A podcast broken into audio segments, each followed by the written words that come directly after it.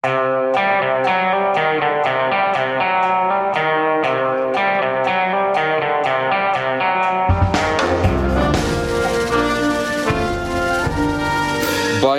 legger inn siste støtet og har med Obama som oppvarmer på rallyene sine. Dette er Giæver og gjengen spesialutgave tidlig en søndag morgen.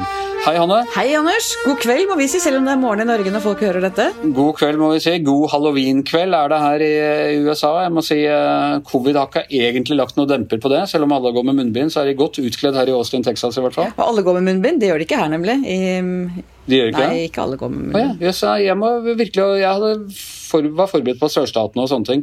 Mye protester. Men alle Trump-tilhengere og alle går med munnbind. altså.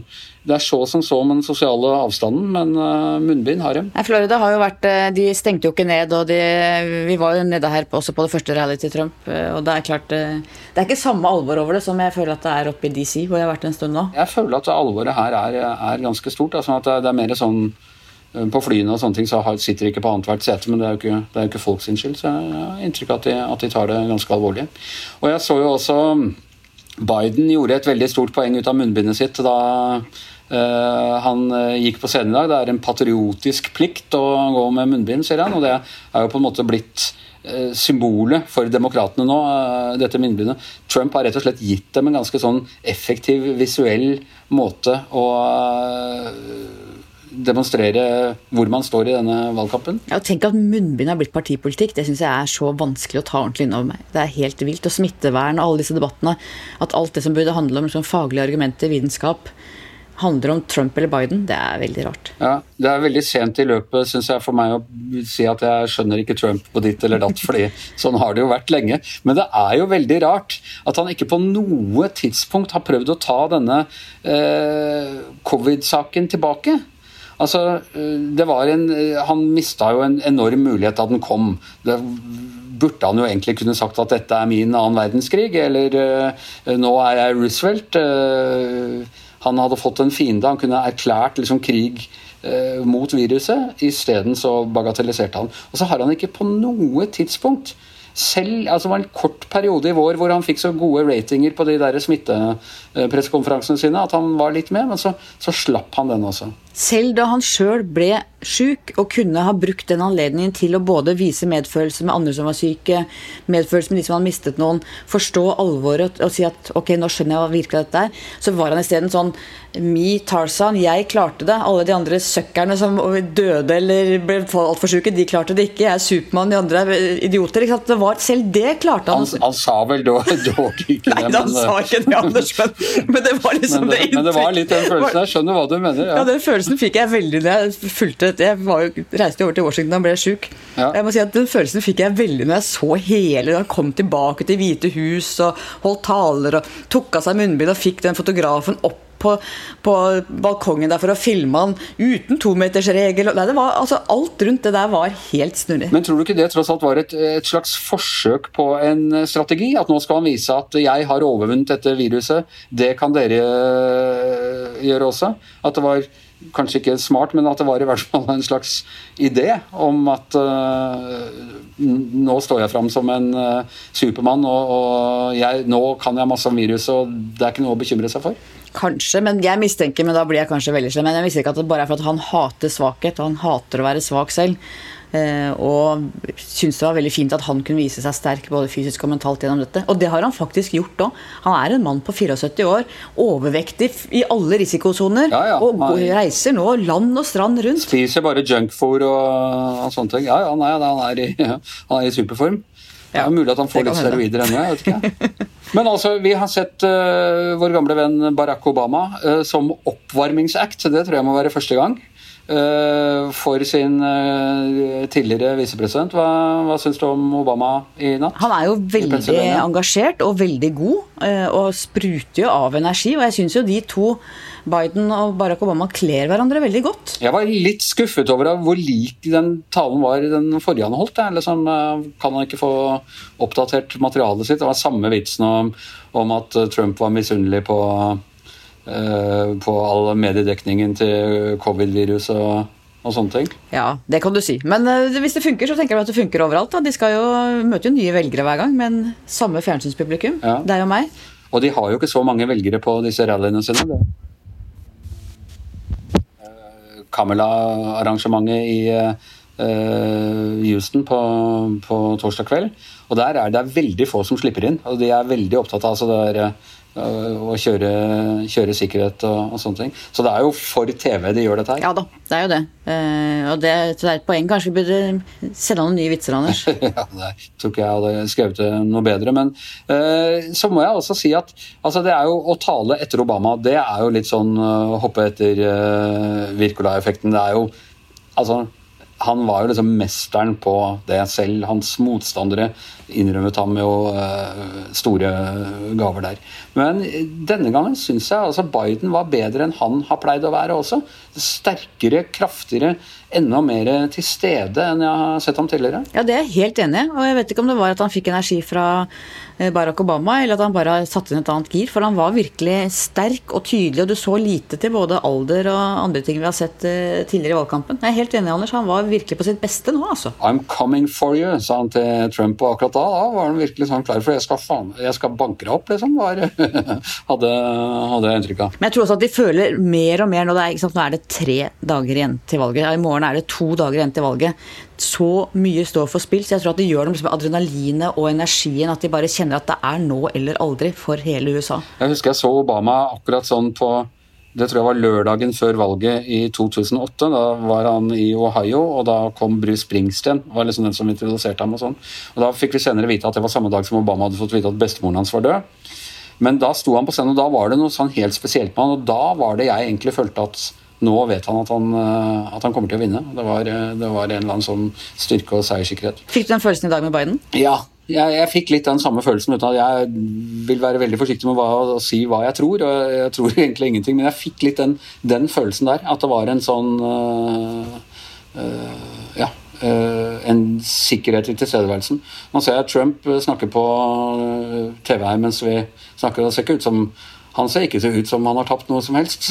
Så det kommer vel litt an på hvilke preferanser man har. Og det helt utrolige med Trump og hans valgkamp er jo at han har jo gjort Eh, det omvendte smittevern til sin valgkampstrategi. Altså Republikanerne ser jo nå at den eneste måten de kan vinne på, er at han reiser land og strand rundt, har tre-fire rallyer hver dag, samler tusenvis av mennesker uten masker ofte, står tett i tett.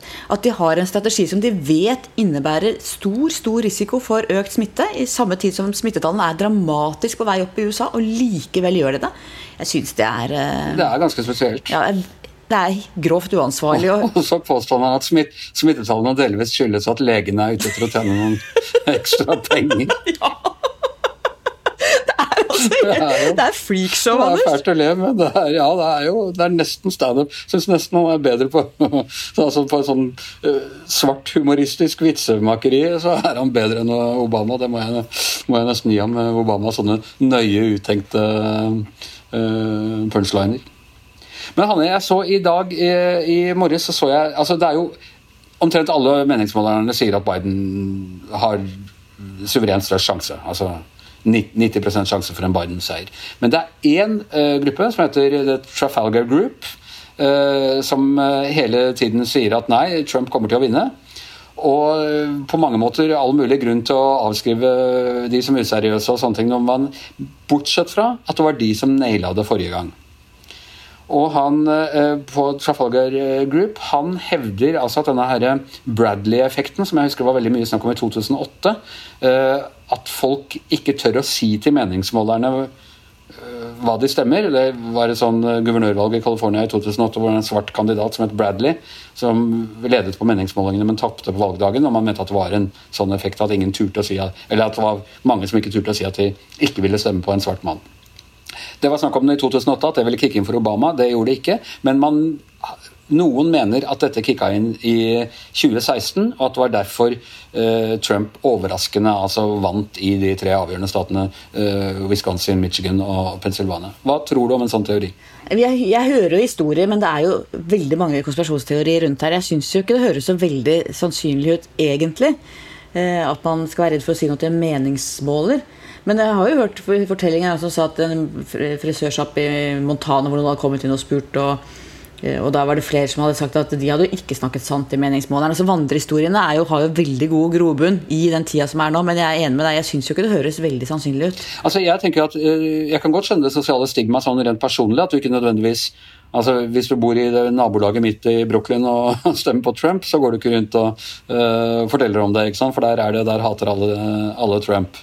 Men men at du ikke skulle kunne si det til en meningsmåler, øh, og at det såpass at det utgjør en betydelig gruppe, det er øh, Det virker jo rart. Samtidig det dukket opp en del velgere i de tre avgjørende statene øh, som gjorde at det tippet den andre veien enn det meningsmålerne trodde. Så det er jo et eller annet der som man nå mener meningsmålerne at de har vekta det på en annen måte og da får komme til et riktigere resultat, men det er annet det er en kode der de ikke helt har knoket. Ja, og det er klart at meningsmålingsinstituttene har jo mye å bevise etter forrige valgkamp. Eh, og de er jo veldig opptatt av selvfølgelig å fortelle hvor flinke de har blitt, men eh, beviset får vi jo på tirsdag. Eh, og om de har virkelig klart å rette opp skuta, det Nei, jeg vet ikke. På tirsdag og i dagene og ukene og månedene som kommer. Tror du vi kommer oss hjem, Anders? Ja, vi, vi må jo det. Men det er, ja. det, er, det er, spennende. Altså, jeg håper jo på at det kommer en såpass klart resultat allerede på tirsdag. At det ikke er noe særlig tvil. At det kanskje må drive noe fintelling og, og sånn. Men øh, det er jo Og du er jo i den staten hvor, som egentlig kan avgjøre hvor tidlig det blir. Hvis det blir veldig close i Florida, så kan det bli close over hele linja. Hvis Florida er, Florida er tydelig eh, ganske tidlig, så, så, er dette valget avgjort ganske tidlig. Ja, men Vi har jo sett at det er veldig mange rettssaker og pågående rettssaker og søksmål og sånn rundt omkring i mange delstater rundt eh, diverse ulike stemmegivningsprosedyrer og lovgivning. og Man skal telle lenge, hvor lenge etterpå får man telle, hvor lenge etter at stemmen har kommet inn. Så det er klart Hvis det er et eh, jevnt resultat flere steder, så kan dette dra ut. Ja. Og Vi husker jo i 2000, hvor det altså var 536 stemmer eh, til George W. Bush som, som, avgjorde. Og Da tok det jo uker, og det tok en måned tror du ikke før, uh, før de var ferdig med fintellinga. Jeg tror det var begynnelsen av desember. Ja. Jeg tror det var begynnelsen av desember ja. var ferdig. Forskjellen da var jo at det var en avtroppende president. Det var ikke, altså, Clinton var ferdig. Han kunne da administrere denne lame duck season Eh, nå er det jo en helt annen situasjon med en president som antagelig ikke har tenkt å gi seg uten, uh, uten, litt motstand. Og hva Høyesterett gjør, er jo da i så fall veldig veldig interessant. ikke sant? Om uh, nyutnevnte Amy Coney Barrett uh, deltar i vurderingene dersom det kommer helt til Høyesterett i DC. Hun som ble utnevnt av Trump åtte, innsatt åtte dager før valget. Ja. Så det er mye her som kan skape veldig mye vondt blod hvis ikke dette oppleves som legitimt og ryddig av folk flest. Og Kavanaugh, han andre høyesterettsdommeren som ble da hyra inn i sommeren for ett eller to år siden, og husker jeg ikke, han han har jo også kommet med uttalelser som kan tyde på at, ja, det, at dette her kan bli ja. ja Republikanerne har jo uh, kjørt en strategi alle disse fire årene på å fylle alle ledige dommerseter hele veien. Det er jo derfor mange tradisjonelle republikanere eh, som sikkert holder seg for nesa når de stemmer Eh, men fortsatt ønsker eh, Trump. fordi det er en av de viktige tingene han har levert på. Han har fylt opp disse domstolene med konservative dommere som eh, mye mer altså En eh, president kan du velge for maks åtte år, og senator for seks år om gangen. og sånne ting, Mens disse dommerne de skal sitte hun Amy Comer Barrett, hvor gammel er hun? 48. 48, ja. Så hun, liksom, hun, kan sitte i 40 år til. Ja, hvis hun blir like gammel som, uh, som en del av dem. Ja. Og noen av dem blir noe skikkelig gamle òg. Ja, oppe, langt opp i 80-åra. Og ja. det er jo et annet syn på alder her som, er, eh, som jeg tidligere syntes var litt sjarmerende, som jeg nå kanskje begynner å synes at drar litt langt. Ja, Til tross for at vi begge drar oss mer mot den alderen, så tenker vi liksom nei, nei. Vi må begynne å avskilte folk på, på et eller annet tidspunkt. Ja, må jo det. Ok, ellers Hanne, hva er det andre ting vi som har eh, opptatt deg i løpet av dagen? Ja, ja. Det er jo spesielt å leve her og være liksom i den der valgbobla hele tida. Veldig, veldig intenst, altså. Men jeg er litt opptatt av disse eh, hvite uten eh, collegeutdanning, altså arbeiderklassen og demokratene som eh, den kampen som er om arbeiderklassestemmene. Jeg var i West Virginia, som jeg snakka om før. Ja, Som du har skrevet om i dag. I, i, ja. Hvordan demokratene har mistet grepet om det som egentlig var liksom kjernetroppene deres. Jeg går og grubler mye på hvordan det ble sånn. altså. Nedbygging av fagforeningene. Fagforeningene var veldig sterke her.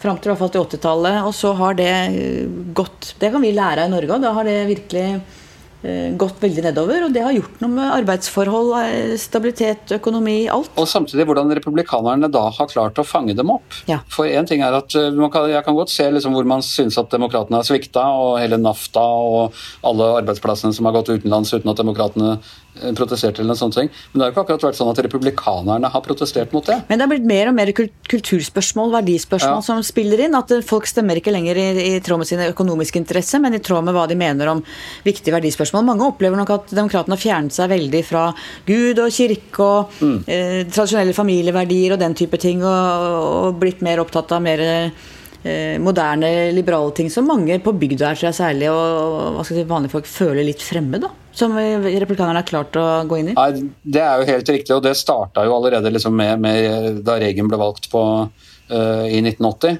At uh, disse her kultursakene og, og sånne altså abort, våpen, eh, å be i skolen, eh, sånne ting som er, og dødsstraff, sånne ting som egentlig ikke hang sammen, men hvor man gikk sammen i en sånn koalisjon for eh, konservative sosiale verdier, og, og stemte på hverandre og hjalp hverandre fram. Liksom. Og Reagan var vel så vidt jeg vet, egentlig ikke opprinnelig veldig sånn abortmotstander. Jeg hadde en interessant opplevelse nede i Louisiana hvor jeg var og møtte noen gamle damer.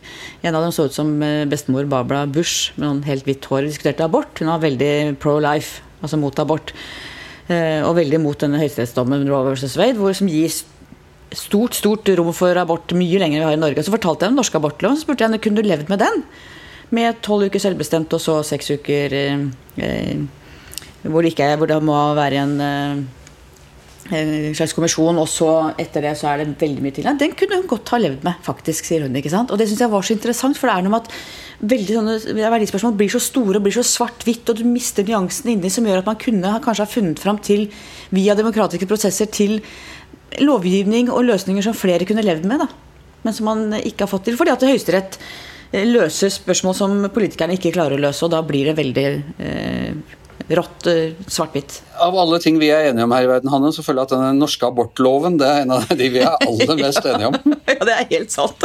Det er, det er en veldig god abortlov. Som, Det er veldig god. eh, Så den eh, må amerikanerne gjerne komme til Norge og, og eh, lære litt av. Men du, ellers så så jeg, altså, eh, for du skrev da om West Virginia og, og hvordan de går så stort for Trump og kan lure på det. Samtidig, hvis meningsmålingene stemmer da, så har jo Trump da mista 15 oppslutning eh, også i West Virginia. Ja. Eh, Så, så det er jo noe som har skjedd der også på, det, på disse fire årene. Absolutt, og det er klart at eh, veldig mange har jo sett at Trump tok ikke det ansvaret og ble ikke den eh, lederen som de kanskje hadde Det trodd. er ikke sånn at kulda har kommet tilbake og at, det er, at de går plystrende på vei til kullgruvejobben om morgenen. Nei, ikke sant? Og, eh, og han sier jo hele tiden at jeg er den politikeren som holder løftene, men det er han virkelig ikke. Og du ser jo, ikke sant, som du sier, arbeidsplassene er ikke kommet tilbake, og de vet nok, de erkjenner nok der også at kull er ikke framtida.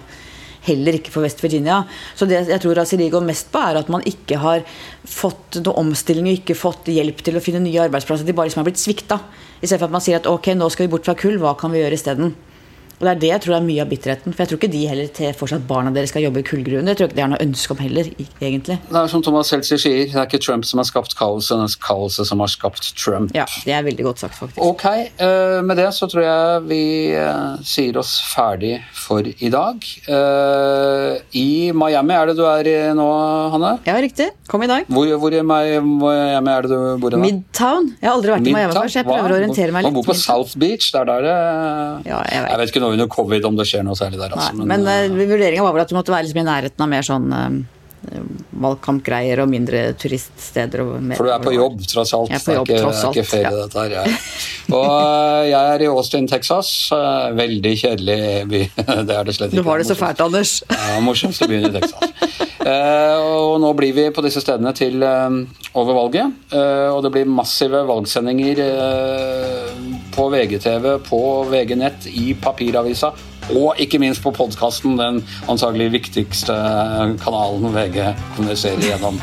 Eh, tusen takk til vår eh, produsent Magne Antonsen, som står opp tidlig tidlig om morgenen og syr dette sammen, så at vi eh, når ut til eh, lytterne våre nå også. Og så høres vi igjen på mandag morgen.